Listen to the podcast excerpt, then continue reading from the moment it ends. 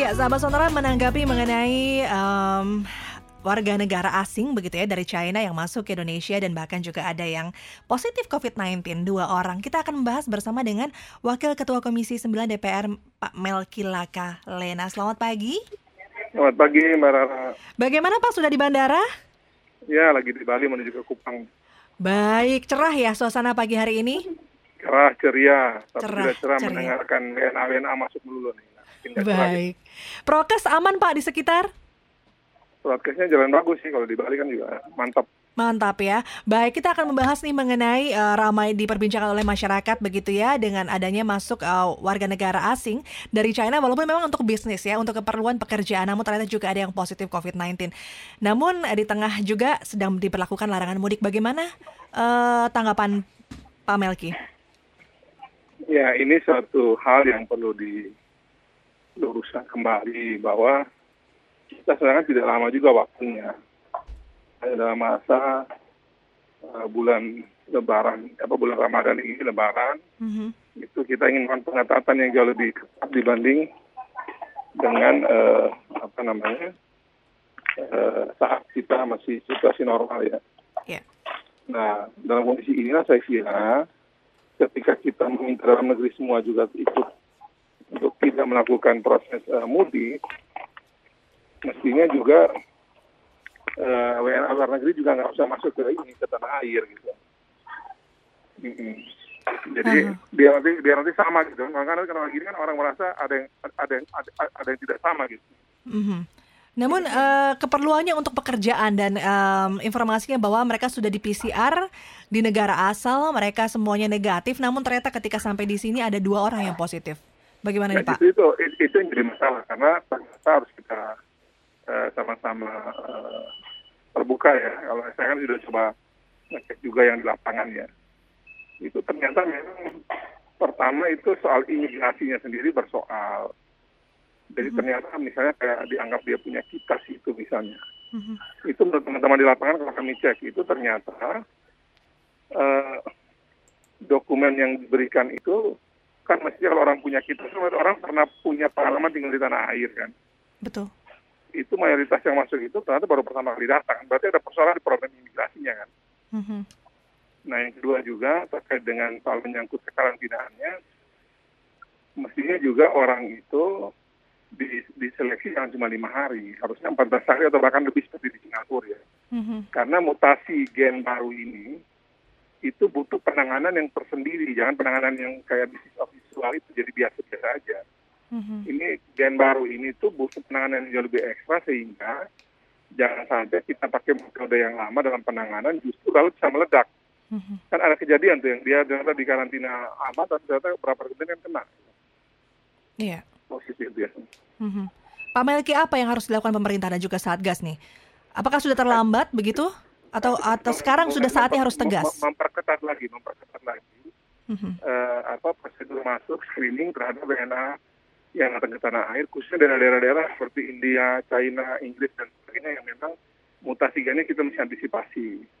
Yang kedua juga tentu baik dari aspek kesehatan juga kita benahi bagaimana prosedur penanganan. Halo, Pak Melki? Halo. Ya. Ya, jangan kita Eh, sinyalnya agak eh, kurang baik nih Pak Melki. Oh, iya, iya, iya, iya. iya. Oke, Oh, baik, sinyalnya kurang bagus ya. baik. Bisa diulang Pak untuk statement yang terakhir?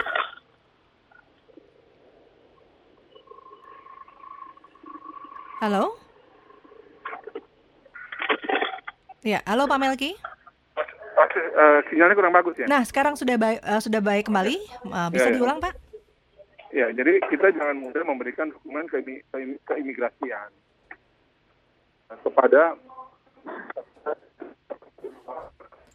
Ah, sayang sekali Pak Melki, sepertinya sinyalnya kembali ada gangguan. Baik, kita eh, akan nanti mencoba menghubungi kembali apabila memang Pak Melki belum uh, berangkat ya untuk uh, flightnya menuju ke Palu. Jadi pagi hari ini tadi kita sudah menghubungi Wakil Ketua Komisi 9 DPR Bapak Melki Lakalena ya berkenaan dengan berita yang memang masyarakat sekarang sedang ramai di luar memperbincangkan mengenai kok WNA boleh masuk ya. Namun juga uh, sekarang sedang ada larangan mudik.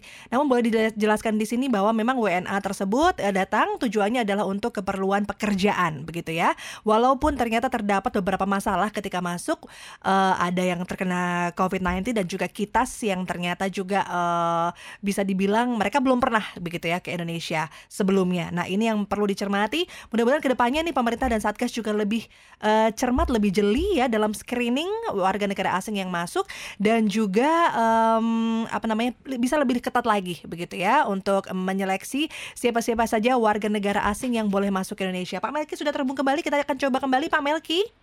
Ya, pagi Mbak Rara. Iya, iya silakan Pak. Yang terakhir boleh diulang kembali Pak. Ya, jadi kita pertama harus mm -hmm. memperketat screening masuk dari WNA dari berbagai negara ini. Ya. Baik dalam aspek kesehatan itu tugasnya KKP ya. Mm -hmm. Jadi bagaimana mereka juga dideteksi jangan lagi lima hari ini harus minimal 14 hari. Minimal 14 hari. 14 hari karena mm -hmm. itu uh, adalah prosedur standar yang dulu pernah kita lakukan karena kita longgarin kan. Ya. Nah, tapi kita longgarin itu dengan model dan situasi mungkin mutasi virus saat ini justru kita harus kembali lagi ke metode lama 14 hari. Mm-hmm. Nah, yang kedua, uh, tentu selain menyangkut tentang kesehatan juga yang kami dengar bahwa dokumen keimigrasian juga jangan dipermudah kepada WNA gitu. Oke. Okay. Ya, jadi yang informasi di lapangan juga ternyata dokumen keimigrasian mudah sekali diperoleh para WNA yang ada di luar sehingga membuat mereka juga mungkin saja ya kalau gelombang satu lolos gelombang dua kan makanya kan itu menjadi berita bagi bagi orang-orang di negara asal yang mau ke Indonesia kan ternyata yeah. dianggap mudah masuk ke tanah mm -hmm. air karena dari segi screening kesehatannya gampang dokumen keimigrasian juga mudah gitu kan jadi akhirnya kita melarang dalam menjadi luasa dan lebih mudah masuk ke tanah air. Nah ini harus kita hindari gitu. Betul. Baik Pak Melki, terima kasih sekali waktunya berbincang dengan Sonora. Safe flight Pak. Baik. Semoga lancar sampai Baik. dengan Palu nanti. Selamat pagi. Ke Kupang, ke Kupang, oh sampai Kupang. Kupang. Baik, Kupang, terima kasih. Ya. Makasih, makasih. Terima kasih Pak Melki. Selamat pagi. Tetap bersama kami di Sonora Network.